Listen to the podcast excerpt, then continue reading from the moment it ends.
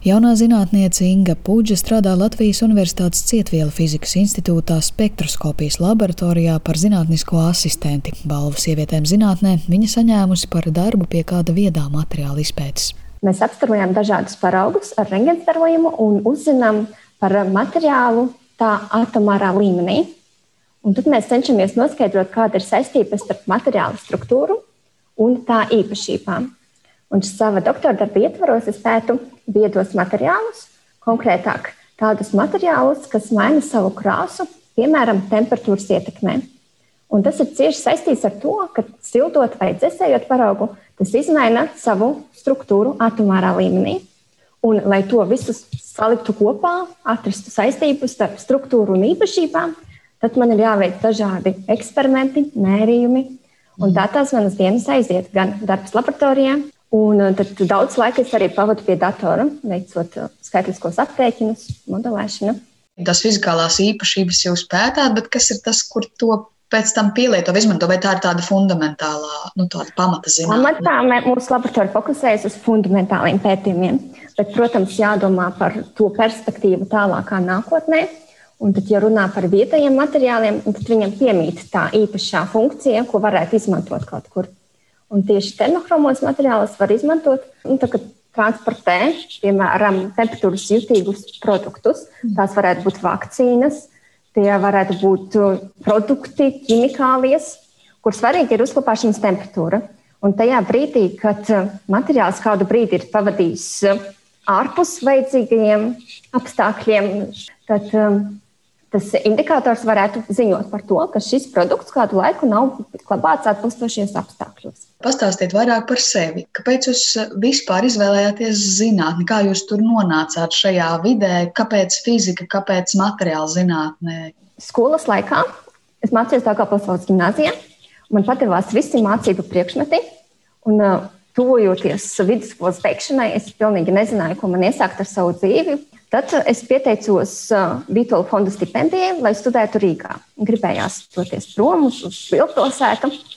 Un tad, kad man bija intervija par to, vai man piešķirs to stipendiju vai nē, man iedrošināja izvēlēties varbūt kādu no dabas zinātnēm, jo redz, man ir ļoti labi sasniegumi. Un tajā mirklī es teicu, ka es nezinu, ko es varētu studēt, varbūt ekonomiku, kaut ko ar, ar, ar finansēm saistītu. Un, um, tad es tā uzklausīju, Un, un es vēlējos studēt fiziku. Man iedrošināja mamma, jo arī viņa strādāja Dārgopils Universitātē, pasniedza dabas zinātnes, arī fiziku. Un tad man bija tāds drošības pilnvērts, ka, ja nu kas, viņa man palīdzēs tajās studijās. Un tad es devos uz Rīgu, kur visu savu drosmi saņēmu, uzsāku savas studiju gaitas. Domāju, ka būs ārkārtīgi sarežģīti. Zināju, ka tā nav tipiska meiteņu izvēle. Bet uh, katru semestri Es tā sapratu, ka man padodas. Bakalaura laikā nokļuvu EGZAF spektroskopijas laboratorijā, kur man bija lieliski kolēģi un skolotāji. Un tad likās pašsaprotami, ka man jāturpina šis viss, un tā es nokļuvu līdz doktorantūrai. Un arī šobrīd izskatās, ka šis ir mans ceļš, kurš man jāturpina. Bet kā ir jūs arī nu, pat stāstot, pieminējāt frāzi, ka fizika nav tipiska meiteņu izvēle. Arī šis apbalvojums ir specifiski tieši sievietēm zinātnē, kā no prakses, no ikdienas izjūtat zinātnes telpu un, un sieviešu lomu tajā. Studiju laikā pārsvarā mums bija puiši kursabiedri. Nu, tā tas bija, jo inženierzinātnes, dabas zinātnes, eksaktās zinātnes vairāk vilina vīriešus. Tomēr, manuprāt, teiksim, citās zinātnīs nozarēs, kas nav gluži fizika, man liekas, tur diezgan dominē sieviešu īpatsvars. Ja runā tieši par manu lauciņu, tad kādu laiku es biju viena no divām sievietēm laboratorijā. Tāpat ir gadījies vairākās konferencēs, bildēties, es centrā un apkārt vīriešu bariņš. Nu, tie ir savi stereotipi, tas ir izaicinājums jau skolas laikā. Ir cilvēki, kuri uztver to to domāšanas gaitu, mācoties dabas zinātnes, ir tādi, kas jau sākumā novelk sienu un domā, ka nē, tas ir sarežģīti. Man nav lemts to izprast. Nu, man liekas, tas jau skolas līmenī. Tas, tas tā būvējas šis stereotips. Bet nu, drosmīgie saņemas un, un, un tiek galā ar izaicinājumiem. Strādājot, tās dienas paiet nemanot, es aizmirstu par visām, visām apkārtnes likstām un, un, un es izbaudu to visu procesu un, un arī zinātnes pētījumu gaitu. Esmu ārkārtīgi priecīga, ka es nonācu šajā sfērā, un, un es domāju, ka vēl daudz kas ir priekšā. Savukārt Stradiņas slimnīcas ārste rezidente Dana Kigitoviča apbalvojumu sievietēm zinātnē saņēmusi par pētījumu, kurā meklē jaunu pieeju, kā stiprināt nogurušu sirdi un mazinātu augsto pacientu mirstību no sirds mazspējas Latvijā. Varbūt varat mazliet iztirzāt, kas tieši ir šī joma, ko jūs pētāt. Jā, tātad savā doktorantūras darbā es koncentrējos uz labā kambera mazspēju. Kā zināms, ir divi kamberi. Un tā, tās problēmas, kas to varētu izraisīt, varētu būt paaugstināts spiediens plaušu artērijās, gan arī citas mazās asinsrites lokā slimības, kas to varētu izraisīt, gan arī plaušu slimības, kas progresē ar laiku. Protams, ir arī liela pacientu grupa, kas no tā varētu ciest tie, kuriem ir kreisā kambara mazspēja, un tad, teiksim, arī ar laiku attīstās labā kambara mazspēja. Un uh, manā darbā es mēģināšu pārprofilēt sen zināmu medikamentu, kur visticamāk ir katrs kādreiz vai nu ir uh, vismaz redzējis, dzirdējis, vai arī varbūt pat lietojis dažādu indikāciju dēļ. Bet tas, ko es gribētu, ir tā, lai mēs pierādītu, ka tas uzlabo labāk ambera funkciju un pacientiem, kuriem ir tiešām tāda diagnoze kā labāk ambera mazspējība, tas tā kā sindroms drīzāk, kuri varētu šo medikamentu lietot pēc tādas indikācijas un, teiksim, ārstēt to. Jo medicīnā ir ļoti svarīgi, lai kaut, kaut ko ārsts ordinētu pacientam, ka tam ir jābūt pamatotam un tam ir jābūt zinātniski pamatotam. Tas nevar būt, tā nevar būt izvēle uz izjūtām, vai nu, tā kā es tā domāju, vai vis, visi tā man saka. Tam ir tiešām jābūt pārbaudītam un drošam.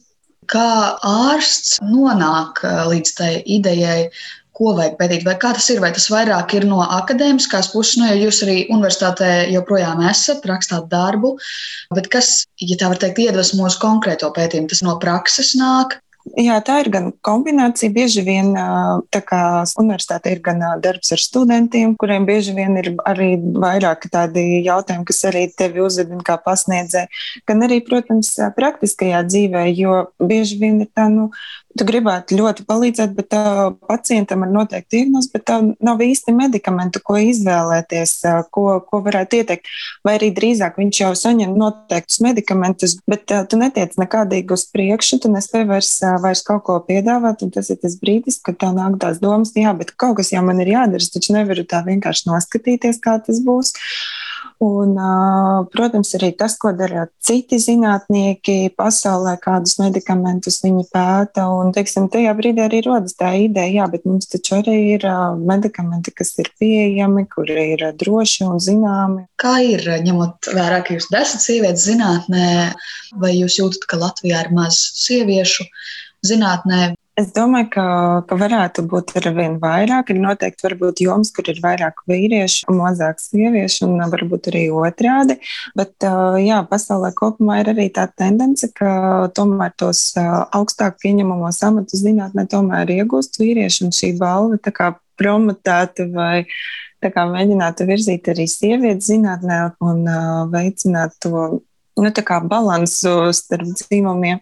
Es tiešām arī ļoti negaidīju, ka man tā izvēlēsies, jo man kaut kā arī pašā varbūt tas ir komplekss jautājums, ka, ka man likās, ka zinātnieki tiešām ir vairāk tie, kas strādā laboratorijās un tā, un ārstam tiešām tas ir izaicinājums paralēli strādāt arī zinātnē, līdz ar to es tiešām jūtos ļoti novērtēta un ka mans darbs ir novērtēts, un tas ir milzīgs stimuls turpināt iesākt to darbu un strādāt tālāk. Vita Rovīta ir vadošā pētniece Latvijas biomedicīnas biomedicīnas pētījumu un studiju centrā, kā arī Latvijas genoma centra vadītāja. Viņa atzinību saņēmusi par retas endokrīnas saslimšanas akromegāliju izpēti. Šī saslimšana ir saistīta ar to, ka pacientiem veidojās audzējs uh, hipofīzes dziedzerī. Tas ir dziedzers, kas lokalizēts smadzenēs, un viņš sekretē ļoti daudz dažādus būtiskus hormonus cilvēka organismam. Un uh, šajā dziedzerī var veidoties audzēji. Viņi ir labdabīgi, liekas, ka neaug ļoti ātri, vismaz lielākajā daļā gadījumu, bet šie audzēji var veikt veicināt to, ka tiek pārproducēts. Tātad pa daudz veidojās kāda noteikta veida šis hormons. Un tad attiecīgi šiem akromegālijas pacientiem ļoti palielinātā daudzumā veidojās augšanas hormons, un šī hormona pārprodukcija noved pie tā, ka cilvēkiem, kuriem ir daudz hormons, viņiem var veidoties dažādas saslimšanas. Gan, piemēram, diabetes, gan kardiovaskulārās saslimšanas, gan arī problēmas ar kauliem un citu saistaudu sistēmu. Tādēļ šos pacientus ārstē ar vainu viņiem šo, ja audzēs ir liels, viņus operatīvi izgriež, tas samazina šo hormonu pārprodukciju, vai arī lieto konkrētus medikamentus, kas ir somatostatīna analogi. Un šie medikamenti samazina gan hormonu pārprodukciju, gan audzēja masu. Un tad pētniecības joma ir vairāk medikamenti, lai saprastu klausītājs, kas ir tieši tas. Um, Mēs vēlamies paskatīties, kā šie medikamenti, ko pacienti lieto ilgtermiņā, ietekmē dažādus procesus organismā. Un viens no tiem, kas ir konkrēts mērķis šajā pētījumā, ir arī zarnu mikrobioms.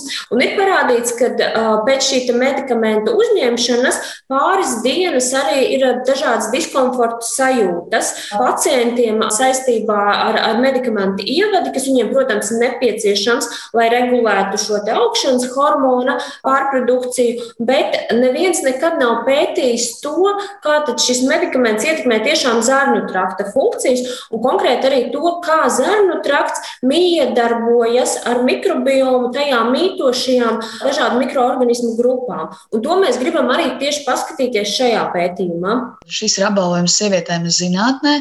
No Latvijas trīs sievietes ir saņēmušas šo apbalvojumu šajā gadā. Vai ir kaut kādi šķēršļi, izaicinājumi tieši sievietēm? Es nezinu, varbūt ir kaut kāds vērtējums. Es varu pateikt statistiski par vispār sieviešu šo pārstāvniecību zinātnē, pasaulē, tādos vadošos amatos zinātnē vidēji 33% sievietes un pārējā daļa tad ir vīrieši.